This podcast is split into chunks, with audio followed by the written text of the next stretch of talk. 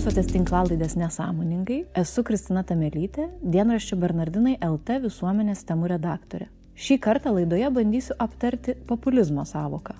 Kaip jau įprasta, visų pirma pasiklausykime keleto žmonių spontaniškų reakcijų susidūrus su žodžiu populizmas. Nežinau, čia vos ne kaip keiksmažodis, populizmas, kur rašo visokiose Facebook komentaruose ir panašiai. O per Facebook, kai ten visokius straipsnius kažkas šėrina, ten kažką kaip populizmais vadina. Arba ten tose grupėse laisvės, laisvas kažkokias ten visokias. Ten tai būna. Uh, komplikuota savoka, man atrodo, populizmas, kai dabar galvoju, neturi tokio vienareikšmiško ryšio, tokio vienareikšmiško santykio su šito žodžiu. Nes, na gal pirma asociacija būtų, kad populizmas yra blogai Bet iš tikrųjų man blogai yra dešiniųjų populizmas, kuris dažniausiai, ką sakom, tai būna dešiniųjų populizmas, ne kažkoks fašizmas, žinai, kažkas tokio su fašizmu asocijuojas automatiškai su kokiu Mussolini arba Trumpo, nu, tiesiog, nežinau, e, su Bolsonaro turbūt, nu, tokia yra savokas iškart populizmo, e, kur iškart apeliuojame kažkokias žmonių baimės, tiesiog kažkokias E, nu jo, labai man, labai sunku gal šitą savoką kartais nuo fašizmo atskirti, bet apeliuojama kažkokias baimės, kažkoks atrodo priešas sukūriamas. Man atrodo, ar populizmas būna, kai duoda, duodami kažkokie paprasti sprendimai sunkioms problemams ir paprasti atsakymai sunkioms problemams. Tai nežinau, kad ten dėl ten visko kalti yra ten žydai, emigrantai. Jo, Tai taip, man su populizmu, jo, ir tai čia dešiniųjų populizmas, o kairiųjų populizmas irgi būna, kad nu, vis tiek pasaulio vaizdas turi būti labai supaprastinamas ir labai e, paprastai iškomunikuojamas, kad būtų suprantamas kuo daugiau žmonių, ne? Tai nežinau, man atrodo, populizmas kaip priemonė tikslai pasiekti, bet dažniausiai tas tikslas būna e, labai blogas. Tai mano tokia, tokios mintys. Graikija, prisimenu, Nes žiūrėjau video kažkokį apie populistą garsų. Tada, nežinau, skambas frazės. Uh, manipulacija gal. Daugiau manau nesugalvos. Gerai. Tai populizmas iš karto man asocijuojasi su liaudimi, kad yra daug žmonių ir populizmas tai, kad kažkaip norima sutelkti tą liaudį, tos žmonės ir kad tiesiog, aš tai sakyčiau, taip, sutelkti liaudį kažkuo, kažkokiu būdu. Mažos partijos,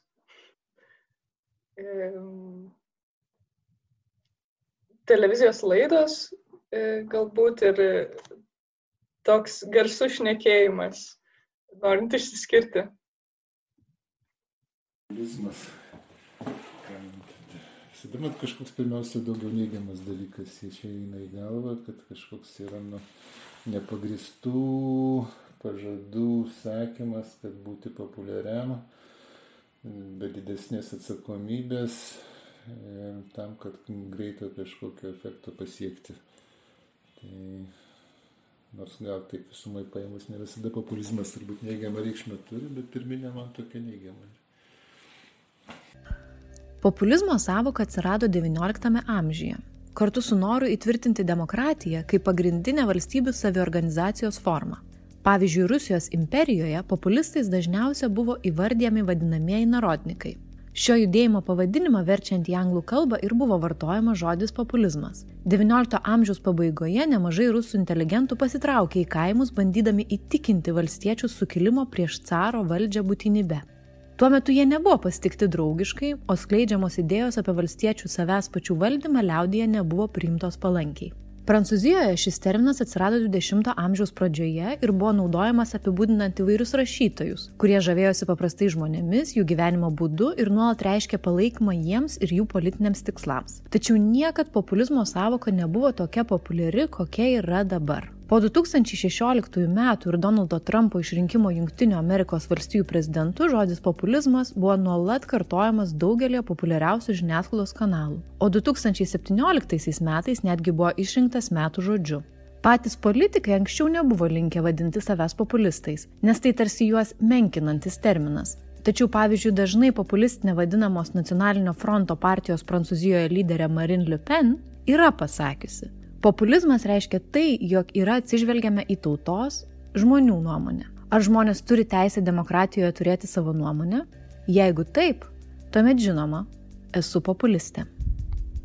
Šį kartą aptarti populizmo savoką pasikviečiau Vilniaus universiteto Tarptautinių santykių ir politikos mokslų instituto dėstytoją Jogilę Olinskaitę. Pokalbį susitikome Bernardinų sode, todėl fone girdėsite po kojomis čiažantį parko grindinį. Tikiuosi, jis jums netrukdys mūsų pokalbio klausytis. Kaip galima būtų dabar apibriežti populizmą? Kas tai yra ir į kokį reiškinį tai nurodo? Taip populizmą ir iki šiol apibrėžia skirtingos mokslininkus pavyko vis skirtingai. Išrinkus, man atrodo, Trumpą prasidėjo labai daug žiniasklaidos ir populizmo teoretikų bendradarbiavimo. The Guardian turėjo tokią skiltį, kurie daug e, darė tyrimų apie populizmą ir jie tada į populizmą žiūri kaip į tam tikrą diskursą, kitaip sakant, tam tikro kalbėjimo bruožus. Tada yra orientuojamas ir žiūrima į politikų kalbas, jų pasisakymus, į tam tikrą specifinį turinį. Bet moksliniuose tyrimuose dažniau turbūt populizmas yra apibrėžiamas kaip tokia siaurojo centro ideologija. Kitaip sakant, kad tai nėra tik tai, tai kaip tu kalbė arba ką tu kalbė, bet tam tikras ribotas, bet idėjų rinkinys. Dažniausiai naudojamas apibrėžimas yra tokiam olandų mokslininko Kas Mūdė. Jisai sako, kad populizmas yra plonojo centro, siaurojo centro ideologija, kuri supranta visuomenę padalinta į tokias dvi antagonistinės grupės. Kai tu turi, vienoje pusėje tu turi homogenišką grupę elitą ir kitoje grupėje kita pusė yra homogenišką ir gerom kažkokiam savybėm pasižyminti grupę žmonės, liaudis, tauta. Kas yra turbūt svarbu šitam tokiam pasidalinime, kad e, yra moralinis santykis tarp šitų dviejų grupių, kad elitas yra blogas, žmonės yra geri. Žmonės, ir čia aš specialiai sakau žmonės, gal lietuviškam kontekste labiau reikėtų versti kaip liaudis, bet liaudis turi specifines labai konotacijas, man atrodo, po komunistiniam regione.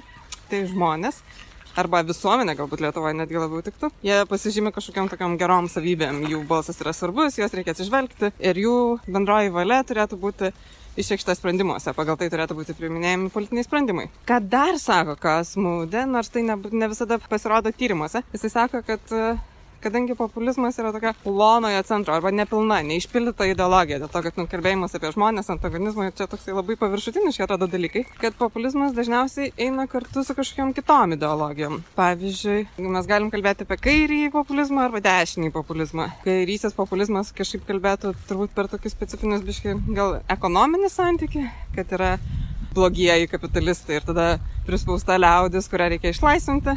Dešinysis populizmas būtų toks, kuris kalba apie per kultūrinę pusę, kad mes kalbam apie tautą, etninę tautą dažniausiai, kuri turėtų būti sprendimų prieimėjas, kurią reikia saugoti nuo imigrantų, nuo kitokių, kurie galėtų paveikti tą tautos brandolį. Kitaip sakant, kairiosios ir dešiniosios ideologijos jungiasi kartu su populizmu ir taip įgyja tam tikrą turinį, programinės nuostatas, pasireiškimą politikoje. E, koks yra kriterijus atpažinti populistinę partiją, išskirti ją iš kitų politinių partijų spektro? Tai visų pirma, turbūt sakytų, kad e, Visuomenė yra prispausta, jai neleidžiama priminėti sprendimų, jinai nėra politinio proceso dalis.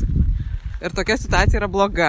Žmonės turėtų patys priminėti sprendimus, valdžia turėtų tarnauti žmonėms ir žmonės turėtų būti pagrindinis sprendimų prieimėjas. Tai čia vienas, viena pusė. O kita pusė būtų, kad visi politikai yra blogi, korumpuoti, jie uzurpavę valdžią vardant savo interesų. Aš savo studentams sakau, kad jeigu matote kalbėjimą apie tokias sisteminės partijas arba vadinamą visą, visą politinę padangę sisteminėmis partijomis, tai jau dažniausiai bus populizmo bruožas, nes jie sako, kad kažkokia yra sistema, kuri yra trapus susitarusi, jie yra užėmę sprendimų prieimimo erdvę ir neleidžia žmonėms valdyti. Tai čia visada yra klausimas, kiek, kiek tame yra tiesos, o kiek ne kiek yra iš tikrųjų paprasti piliečiai neprileidžiami prie sprendimo prieimimo erdvės, o kiek tai yra išpūstas reikalas. Ar iš tikrųjų demokratija yra apribota ir tūlas lietuvis pilietis negali paveikti niekaip politinio proceso, ar tai iš tikrųjų yra tik tai apgaulė. Ir man tada vienas iš tokių gerų pasitikrinimų tyrimai apie tai, ar iš tikrųjų Lietuvos politinė erdvė yra užvaldyta susitarusių politinių partijų, yra, kad parlamentas labai keičiasi per kiekvienus rinkimus, kitaip sakant, išrenkame vis nauji žmonės. Mhm. o kita, kas per kiekvienus rinkimus vyksta didesnis arba mažesnis tas švituoklės principas. Ta prasme, kad e, valdančioji dauguma, valdančioji partija praktiškai niekada nėra perrenkama. Kitaip sakant, tai nuolat vyksta pokytis ir negali sakyti, kad yra kažkoks parlamentas kaip tokia sprendimų prieimimo erdvė yra užimta. Kalbėjimas apie, apibendrintai, man atrodo, tokiam kategorijom, kaip, pavyzdžiui, visi yra bankininkai, kapitalistai, elitas yra blogiečiai. Ir tada visa visuomenė apibendrintai yra geri ir jų paprastas supratimas yra teisingas ir jisai turėtų būti svarbiausias ir kad žmonės turėtų valdyti. Bet tokie supaprastinimai yra turbūt vienas iš populizmo bruožų. Tai vienas iš tokių į populizmą linkstančių politikų kalbėjimas yra, e, kalbant apie kitas politinės partijas, kad jos neva atstovauja savo interesus arba kažkokios žmonių grupės interesus arba verslininkų interesus arba bankininkų interesus ir kad ne, neva negalima tokių interesų atstovauti, reikia atstovauti bendrą visuomenės interesą, dar geriau kokį viešą interesą, visą tai, kas yra bendra. Tai čia yra populizmo įtampa su apskritai partinė ir atstovaujamąją demokratiją, mhm. kuri sako, kad visuomenė yra įvairi visuomenė nėra homogeniška, visuomenė yra sudaryta iš daug skirtingų grupių. Tai reiškia, tos skirtingos grupės gali rasti savo atspindį arba būti atstovautos skirtingų politinių partijų. Ir gali būti, kad vienos partijos bus linkusios atstovauti vienoms grupėms, kitos partijos bus labiau linkusios atstovauti kitoms grupėms. Tai nereiškia, kad visos politinės partijos atstovauja tik tai verslo interesus, bet tai reiškia, kad vienas gali būti orientuotas ir tas plačiau matyti turbūt Europoje negu Lietuvoje, bet pavyzdžiui, regioninės partijos gali būti linkusios atstovauti tam tikros teritorijos gyventojų interesus. Tai čia svarbu suprasti tą principą, kad kadangi ir visuomenė yra įvairi, politiniai atstovai ir politinės organizacijos yra įvairios ir jos atstovauja skirtingus visuomenės grupės interesus. Ir kad visuomenėje mes turime susikertančius interesus ar kelti studentų stipendijas, ar kelti pensijas yra susikirtantis interesas. Jų gal nebūtinai reikėtų supriešinti, bet politikoje tai yra erdvė, kur toksai supriešinimas gali vykti. Ar populizmas kaip e, pusiau ideologija gali būti kažkiek naudinga politiniai erdviai. Ar tai yra sveika tokios demokratijos e, ekosistemos dalis, ar čia yra labiau blogas dalykas, e, kurio tarsi neturėtų būti. Čia aš kažkaip nenorėčiau imti čia vertinti, ar čia gerai ar blogai. Populizmas atsikartoja ir istoriškai. Čia net kas nutinka su populizmu ir man tada labai dažnai yra tai, kad e, populizmas yra labai emocionalus ir labai mobilizuoja žmonių jausmus. Aš kaip tik neseniai klausiausi interviu ir labai rekomenduoju. Ten tiesiog yra labai įdomu klausytis. Steve Bannono, kuris buvo vienas pagrindinių Trumpo patarėjų rinkiminės kampanijos metu, kaip jisai pasakoja, kad, kaip jisai žodžiu, stebi visuomenę ir supranta, kad dabartinis laikas yra mobilizacijos laikas. Būdas pasiekti, laimėti rinkimus yra mobilizuoti. Mobilizuoti tai reiškia, kad labai aktyviai mobilizuoti, kad žmonės pasirodytų gatvėse. Tai reiškia labai įjungti ir pajungti jų tokius emocinį reagavimą. Tai man tuomet, kai pradedama taikytis į emocijas, o populizmas labai dažnai ir tyrimai rodo, kad populizmas, kad sukelta pykčio emocija paskatina turėti populistinės nuostatas ir palaikyti populistus politikai. Ir kad populistai politikai dažnai yra linkę naudoti šitą emociją, mobilizuoti tiek savo rinkėjus, tiek oponentus. Pykčio emocija veda prie tokios visuomenės skaldimo, kai e, labai sunku tada pasidaro atsitraukti ir kažkaip e, racionaliau apsvarstyti argumentų pagrindų priimti sprendimus, taip kažkaip atsi, labiau atsiribojus nuo emocijų. Kitas dalykas yra, aš taip pat nenoriu pasakyti, kad visa politika turėtų būti tokia vien tik tai technokratinė. Yra viena iš labiausiai cituojamų turbūt e, populizmo ir viena iš pirmesnių, kalbant apie naują populizmą mokslininkui Margaret Canavan. Jis sako, kad e, populizmas atsiranda iš dviejų demokratijos pusių susidūrimo. Tai reiškia, kad mes turim institucinę demokratijos pusę, racionalesnę institu... E, demokratijos pusę, kaip rinkimai, procedūros, taisyklės, galių padalymo principas ir toliau, taip toliau. Bet kad taip pat demokratija yra labai svarbus toksai įkvėpimo principas arba demokratijos galimybė atsinaujinti. Mintis yra ta, kad e, kai mes einame į rinkimus, tai mes turbūt ne tik racionaliai kažkaip galvojame apie tai, kaip mes čia išreikšim savo interesus arba staiga išrinksim valdžią, kuri vien tik mus apdovanos kažkuo tenai, bet ir tokiu tikėjimu pokyčiu, nebūtinai tai turi būti kažkokia revoliucija, bet tikėjimu atsinaujinimu, tikėjimu galimybę, tikėjimu, kad kažkas gali būti šiek tiek kitaip, kad galime galvoti apie kažkokias vizijas į priekį. Tai ką sako Kainovan, kad populizmas yra tarpsta tarp šių dviejų pusių, tarp šito konflikto, tarp institucinės pusės ir įkvepiančiosios pusės, kaip jinai vadina, atperkančioji demokratijos pusė veidas. Svarbu turbūt, kad abi pusės egzistuotų, neužtenka tautos arba liaudės e, įkvėpimo, dvasios demokratijai. Em, Kas man atrodo dar yra svarbu turėti omenyje, kad e, problema yra ta viena, kad žiniasklaida jinai naudojama vienai, nežinau, 20 amžiaus, 21 amžiaus gal labiau pradžioj. Kai kalbame apie populizmą, tai dažniau turime minti kažkokią demagogiją, kad politikai sako, ką žmonės no, nori girdėti, kad čia visiems išdalins pensijas, padidins atlyginimus, kad maždaug tai yra populizmas. Tai ne visada yra taip, čia turbūt reikėtų nemaišyti savokų, bet tai daro tiek žiniasklaida, tiek kartais kai kurie akademikai, bet e, populizmas nėra vienintelė turbūt dabar demokratijos problema arba nėra, nėra vienintelis iššūkis demokratijai. Yra daug ir kitų iššūkių, kaip pavyzdžiui polarizacija. Toks visuomenės pasidalinimas į dvi labai didelės grupės. Polinkis į autoritarizmą, kai pradedama riboti žiniasklaidos laisvę, susirinkimų laisvę ir taip toliau ir taip toliau. Ir visa tai savaime nebūtinai yra populizmas. Kad tai yra šiek tiek kitokie dalykai. Ir man tada yra svarbu atskirti, kada yra populizmas ir apie ką konkrečiau mes kalbam, kai kalbam apie populizmą ir kaip mes vertinam, kas yra populizmas, o kas jau yra polinkis į autoritarizmą, kas yra demagogija, kas yra rinkimų ribojimas, kas yra revoliucija. Tai yra skirtingi šiek tiek dalykai. Apie populizmą Paul Taggart, britas mokslininkas, jisai kalba apie tokį naują populizmą, kuris jau tenai prasideda maždaug 95-aisiais.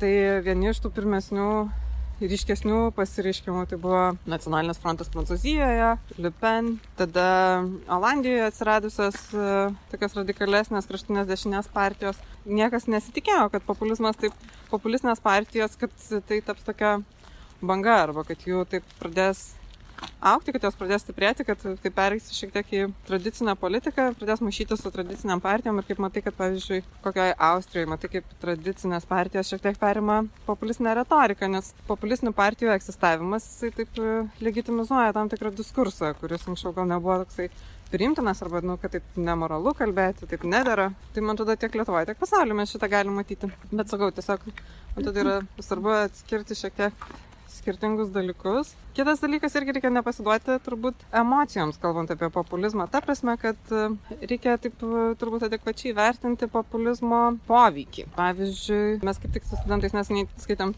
to paties Kazum, Kasmudą straipsnį, kuris buvo šiaip 13 metų. Ir jisai kelia klausimą, ar apskritai populistinės partijos turėjo kokį nors labai reikšmingą pokytį. Pavyzdžiui, žmonių nuostatoms, politikai ir pasakė, o tas po- poveikis nėra toks didelis, gal labiau kas matyti, kad iš tikrųjų tam tikras politikas perima tradicinės politinės partijos. Aišku, nuo 2015 metų, kai prasideda pabėgėlių krizė, visas, viskas prasideda ir pradeda matytis šiek tiek kitaip. Bet svarbu žiūrėti labai turbūt į niuansus. Vienur ta populizmo banga kyla, kitur jinai mažėja.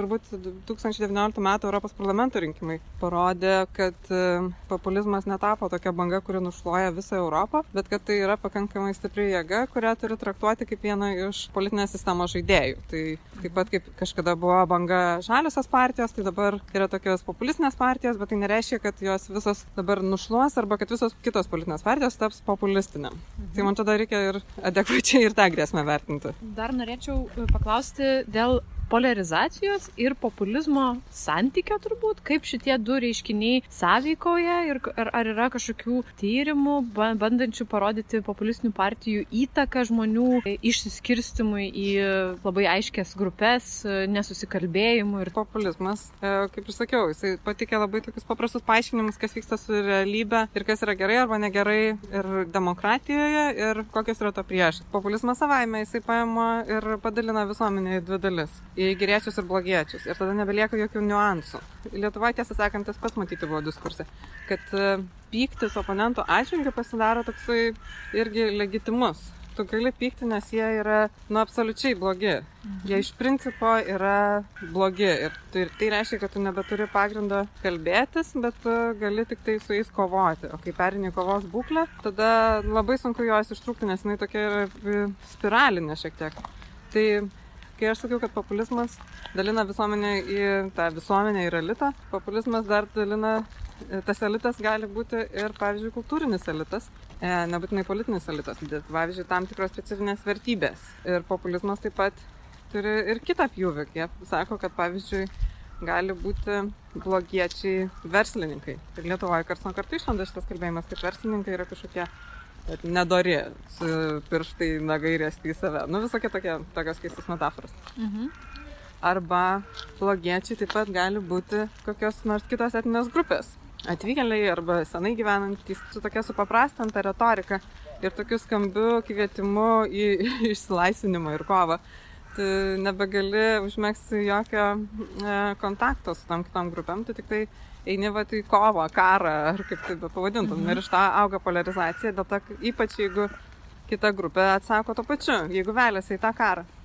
Nu, pavojinga šiek tiek situacija. Galima išgirsti tokių minčių, kad e, jeigu kas nors vadina partiją populistinę, tai yra naudoja šitą terminą, ypač žiniasklaidoje, siekiama sumenkinti šitos partijos tikslus ir kad tai yra toks moraliai įkrautas terminas viešojo erdvėje. Ar galima būtų taip mąstyti, ar čia toks e, labiau išmislas?